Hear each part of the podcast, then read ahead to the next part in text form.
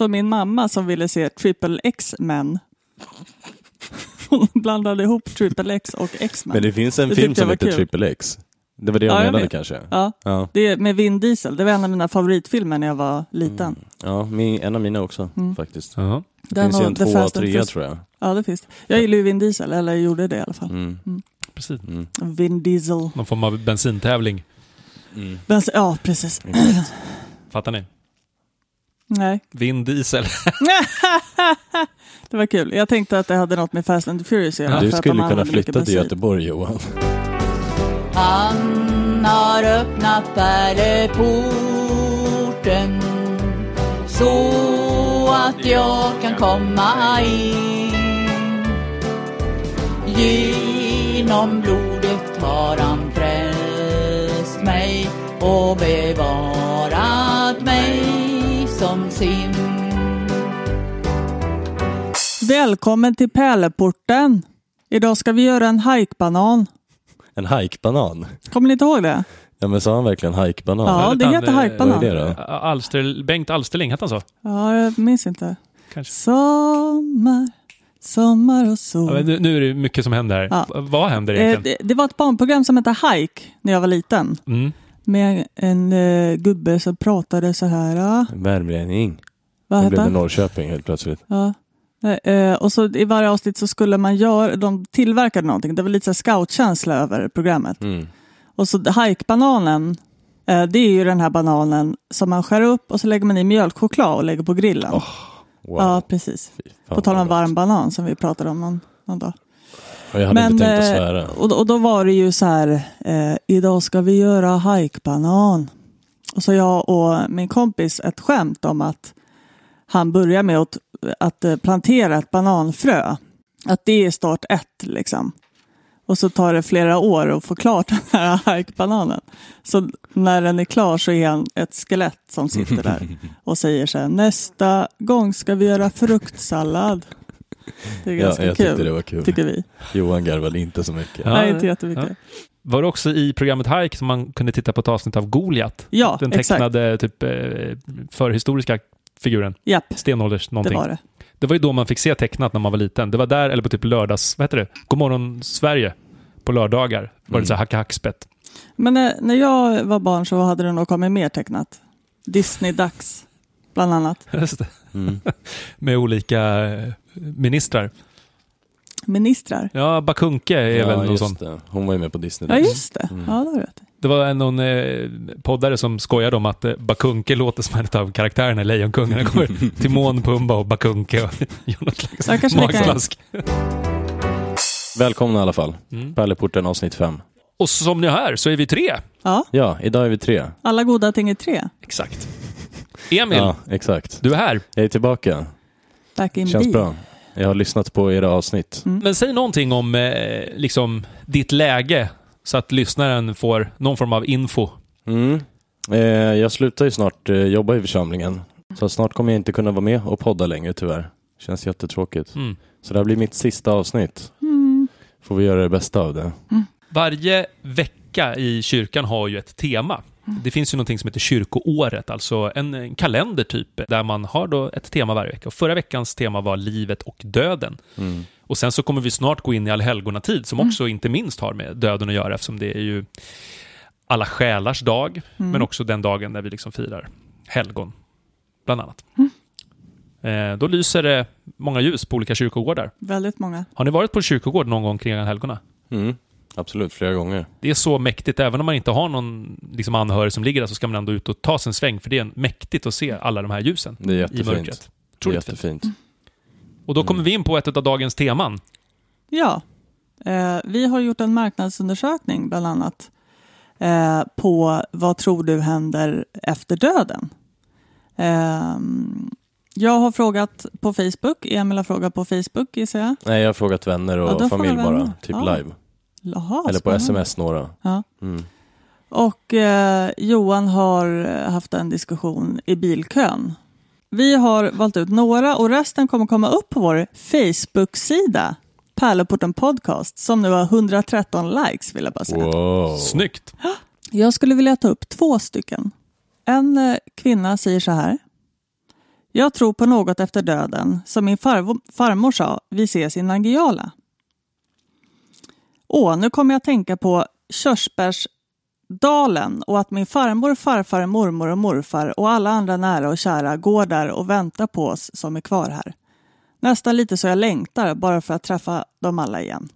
Fast först ska jag leva klart tills jag blir hundra år. Men, men var det då att hon trodde på det här sättet eller snarare att hon hoppas att det blir så här? För jag tänker det är ändå två olika saker. För att, hur många är det som på riktigt då tror att det är Nangijala så att säga? Och Körsbärsdalen, det är ju mer en metafor som vi pratar om ofta. Det där har jag också märkt i mina svar. Att, Ja, att det är mycket folk, metaforer. folk skiljer på om de tror på det eller om de hoppas. Mm. Det är flera som har svarat på det sättet. Det kanske hänger ihop på något sätt. Men jag Ja. tror, eh, frågan om det är ändå liksom barnet i en som går liksom och hoppas på det nangialska, så att säga. Men om det liksom det logiska i oss eh, kanske Säger tänker något... någonting annat. Ja, nej, men Ja. bara en reflektion. Hon skriver ändå, jag tror på något efter döden. Ja, just det. Det är ju tydligt. Mm. Som, ja, men som att det inte bara tar slut och allt blir bara liksom det eviga mörkret, så att säga. Precis. Det händer någonting liksom. Ja. Mm. Mm. Sen har vi en annan som inte är lika eh, positiv eller vad man ska säga. Dum, dum, dum, dum, dum. Mörker, tystnad. Våra atomer kommer att vandra vidare upp i rök efter kremering. En del av atomerna blir aska som kommer åka till en urna. Det som inte ryms i en urna, med majoriteten, kommer att kastas på en deponi för farligt avfall i Norge. Att sluta upphöra och aldrig mer finnas är något människor bara måste acceptera. Religion är något som hör till det förflutna. Inget deppigt i det. Leva nu är det som gäller. Om hundra år kommer du eller jag inte kunna göra någonting åt det. Våra barnbarn kommer förhoppningsvis leva vidare. Skälen är ju hittepå, superpraktiskt sätt att styra människor innan diktatur och demokrati formats som alternativa styrelseskick. Religion och den demokrati vi lever i är väl i praktiken densamma. Låt folk på tro att det kan påverka på något vis, att det gör skillnad, då det, inte, eh, då det gör minst skada. Smart. Oj, det var ett långt, eh, långt utlägg. Ja, men visst var det lite, lite långt. Det känns som att det där var någon form av Agent Scully, om man då går tillbaka till förra veckans avsnitt. Exakt vad jag tänkte säga också. Vetenskapspersonen, det här är liksom det som rent praktiskt sker Mm. i det fysiska, liksom, med de fysiologiska lagarna, Ja. om det nu finns något som heter så. Mm. Ni fattar vad jag menar? Mm, Mm. Jag förstår. Eh, och här, den reflektion jag gjorde här, utöver om, om man kan gå ifrån själva dödbegreppet lite, är angående de här fördomarna som finns, finns mot religiösa. Eh, så läste jag en kommentar på en eh, av biskoparnas blogg eh, och hörde, eller läste ordet intellektuell slöhet. Och, och den här personen tyckte då att religiösa eller religion eh, bildar intellektuell slöhet eller att, att religiösa människor inte tänker själv. Och det tyckte jag var väldigt spännande. Mm. Det var intressant. Mm. Det är säkert fler som tycker så.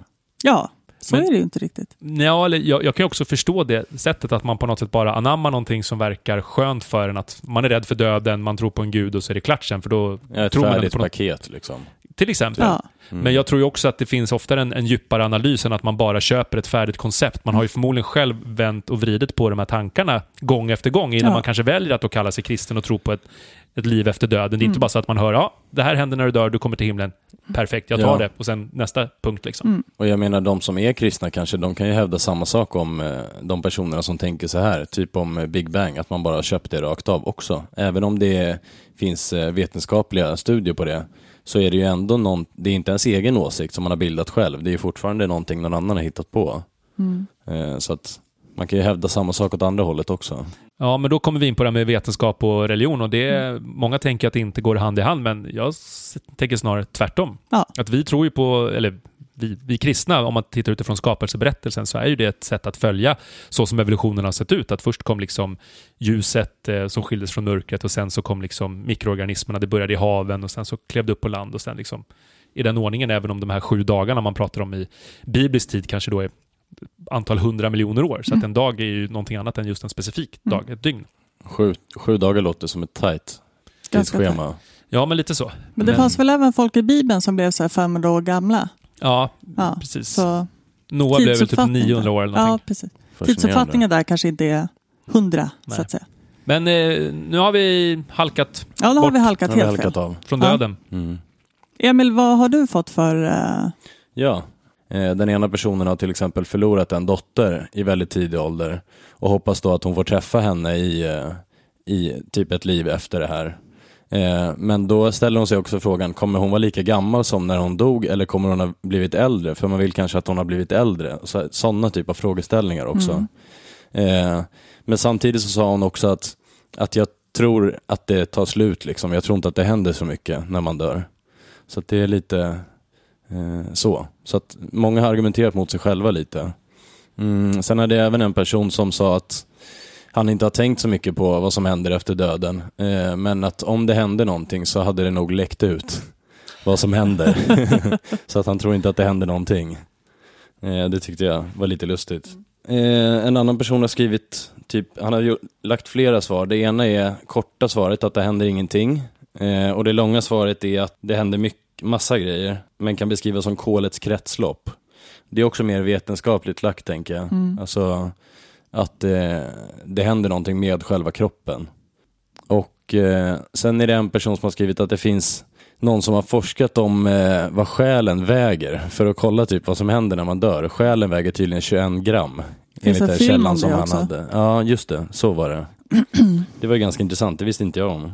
Med han, vad heter han?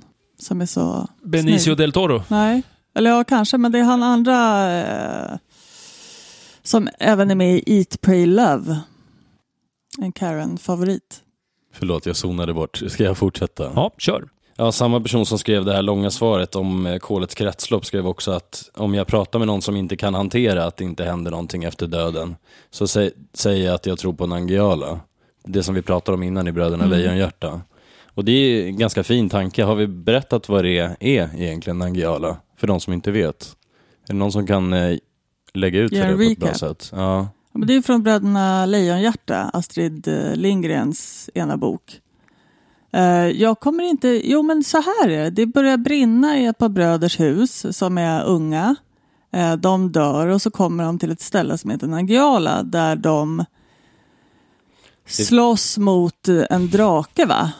Ja, det finns två, Nangiala består av två världar. Ja, Nu ja. fyller jag i om det är okej. Ja, jag För gör jag hade det. Jag googlat minns lite inte. på det här, jag hade kom inte ihåg själv. Nej. Men det består av två världar, och, eller två områden. Den ena är Körsbärsdalen. Mm. Eh, och det är ett paradis som har allt man kan önska sig. Och där kan man göra allt som man inte kunnat förut.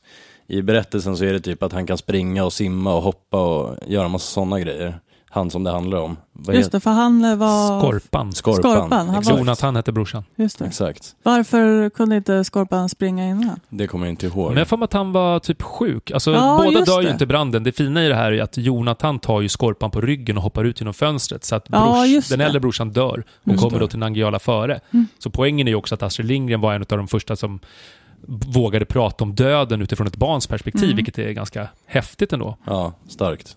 Eh, ja, sen är det Törnrosdalen. Där är det lite mer som helvetet eller vad man ska säga. Det är någon eh, lirare som heter Tengil som styr där. Tengil, just Och det. han har massa soldater och, och de bygger murar och man kan inte komma därifrån om man inte har något lösenord. Men är det någon drake med här?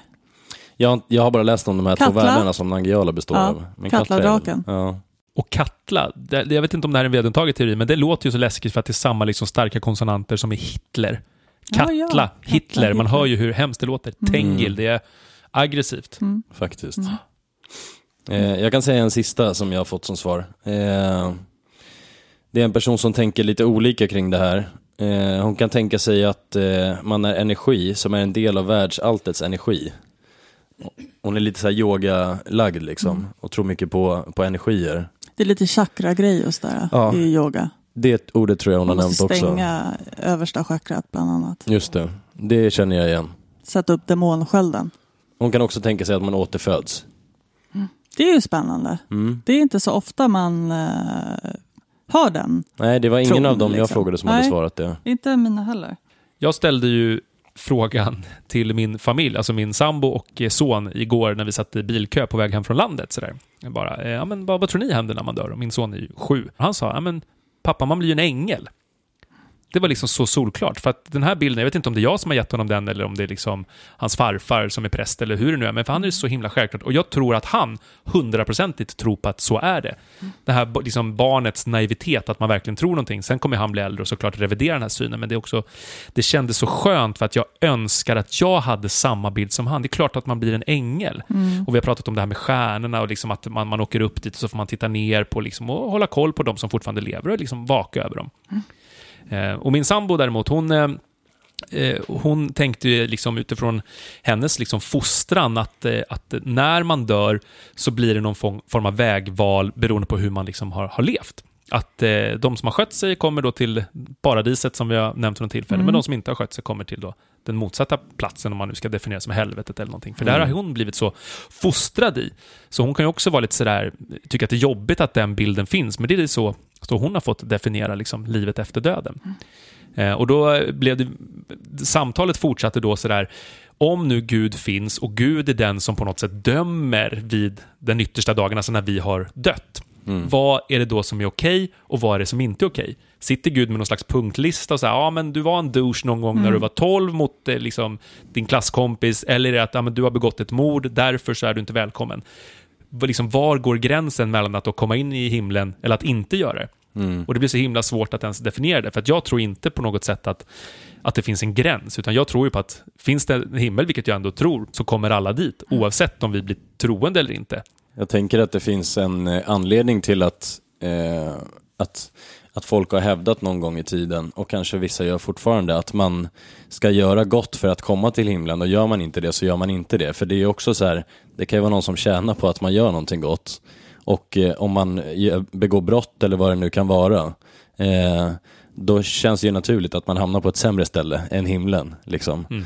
Eh, men det är bara en teori. Alltså, eh, men det är nog många som har den uppfattningen att det finns ett himmel och helvete, att folk som är religiösa i Sverige, alltså kristna då kanske, eh, för jag har inte stenkoll på andra religioner, men att de kristna eh, tänker så här, att det finns ett himmel och helvete, att det kanske är fördomar folk har.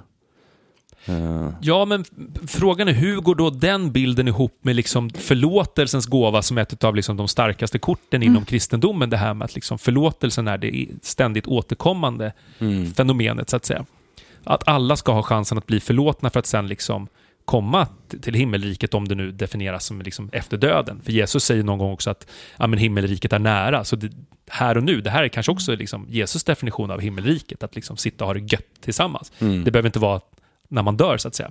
Om det nu är så att man hela tiden ska gå och vara rädd för att om inte jag sköter mig så kommer jag till liksom helvetet, eller den, den dåliga platsen så att säga, då är man ju hela tiden på något sätt rädd för att Gud kommer straffa en. Det var Och lite det- det jag tänkte på. Och det blir ju så fel med att, att religionen eller andligheten ska öppna nya vägar, liksom att det ska, det ska stärka en människa, inte liksom krympa. Nej. Så jag med min definition tänker så här, men vilken jobbig, jobbigt sätt att som barn få höra, liksom, om du inte sköter det så kommer du komma till den evigt onda platsen. Ja. Jag tror att det inte händer så mycket alls när vi dör. Eh, däremot tror jag, eh, eller jag ser himmel och helvetet som en symbol på eh, ens eget samvete någonstans. Eh, och just det här Guds förlåtelse eh, tror jag också handlar om att förlåta sig själv. Att om eh, man får Guds förlåtelse kan man också förlåta sig själv. Att det blir som någon slags förlängning av, liksom, om Gud eh, förlåter mig, då kan jag också göra det. Då kan jag glömma det och gå vidare. Liksom. Och att vissa personer behöver eh, ja, Guds förlåtelse. Att, att det är svårt att förlåta sig själv ofta. Mm. Så därför väljer folk Gud som förlåtelsemekanism. Jag vet inte. Och det är det nog för alla. Det är svårt att förlåta sig själv. Ja, och inte precis. känna skam och skuld och liksom sådär. Jag tänker också på, på oavsett om vi kommer, liksom vad faktiskt som händer, eh, som jag tror att det är en samvetsgrej, att om jag har gjort gott i livet så kommer jag må bra när jag dör och känna mig okej med att dö. Liksom. Om jag har mördat folk eller varit elak så kommer jag ångra massa grejer och det kommer bli en jobbig död. Eh, Kort och enkelt förklarat. Eh, oavsett om man tror på det eller om man tror på, på ett fysiskt himmel och helvete så känns det som att all form av tro blir självisk till slut. Alltså att jag måste göra bra grejer för att må bra. Jag måste eh, vara kristen eller religiös eller uppföra mig på ett visst sätt för att komma till himmelen. För att jag inte hamnar här. Alltså, oavsett hur jag tänker på det så blir det en självisk handling.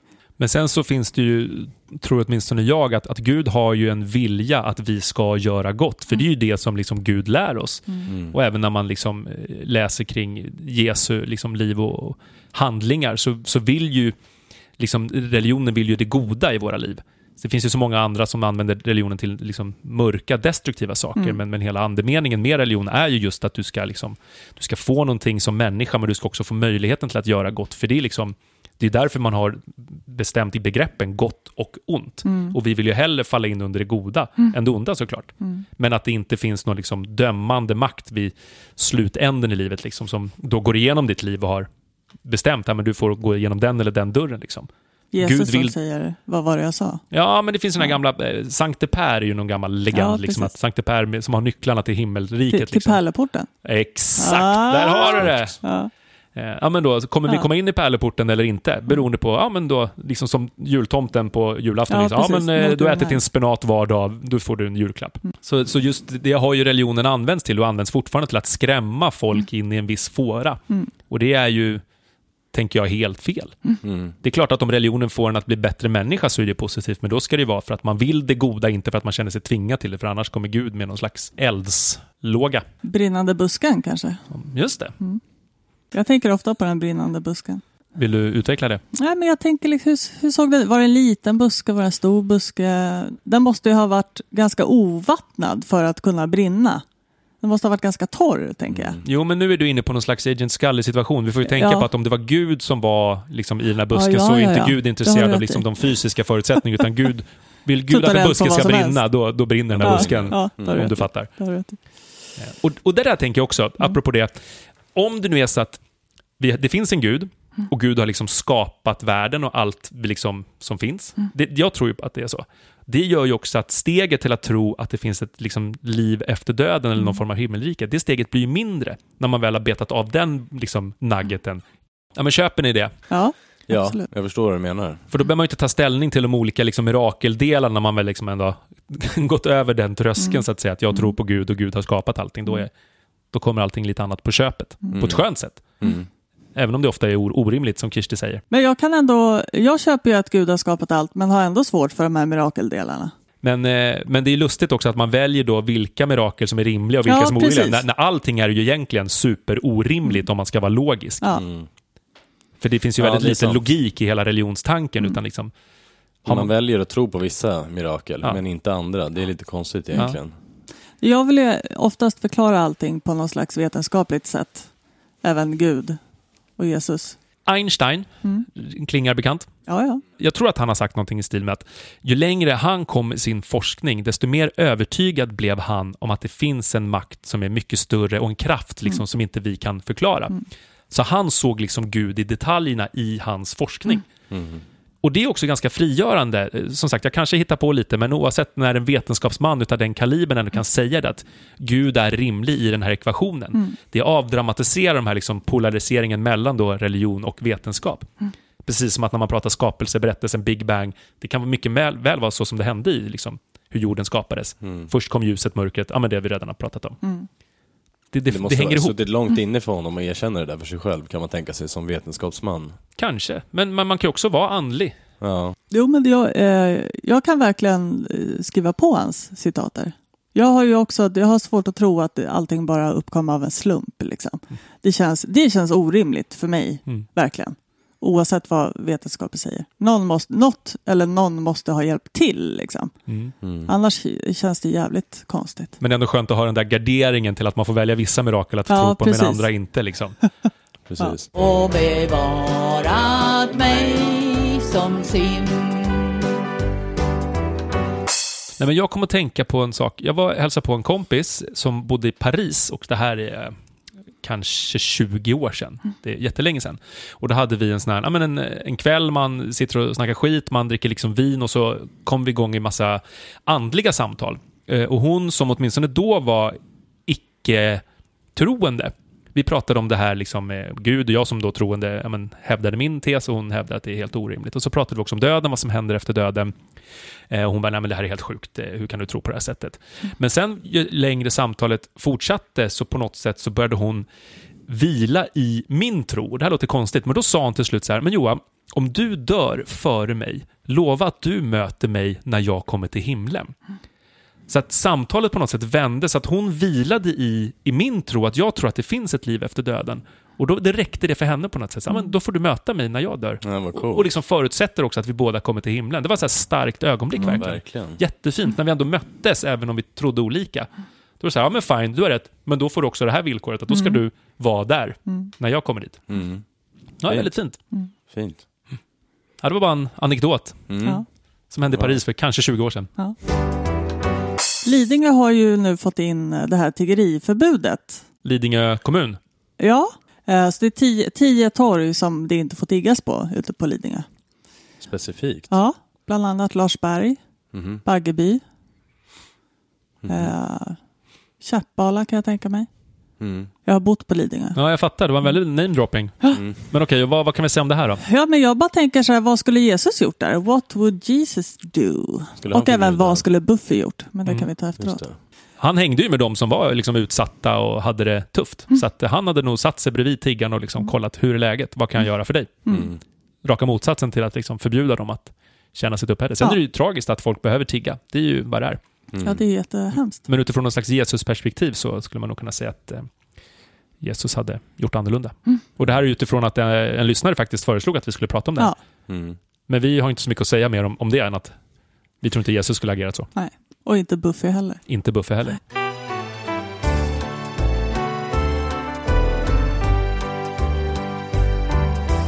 I onsdags så hade vi eh, den första träffen med min nya sportlovskonfirmandgrupp. Mm. Vi kommer träffas typ varannan onsdag och eh, så ska vi åka på en eh, resa upp till Trillevallen på sportlovet.